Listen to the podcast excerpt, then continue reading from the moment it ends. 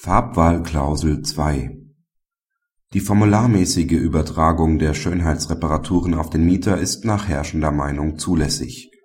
Die konkrete Klausel darf dem Mieter aber jedenfalls nicht im laufenden Mietverhältnis den Geschmack des Vermieters aufzwingen. Im Rahmen eines Verfahrens über die Rückzahlung einer Mietkaution streiten die Parteien darüber, ob der Vermieter die Kosten von Schönheitsreparaturen verrechnen darf dem liegt die Vereinbarung im Mietvertrag zugrunde, dass der Mieter bei Durchführung der Renovierung nur neutrale Farben verwenden darf. Der BgH lehnt einen Schadensersatzanspruch des Vermieters ab.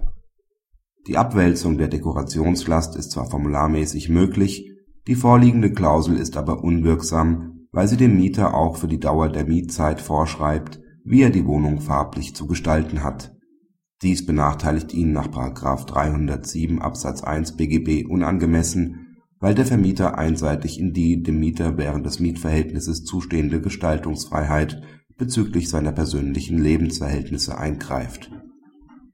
Praxishinweis Mit der Entscheidung war aufgrund der neueren Rechtsprechung des BGH zu rechnen.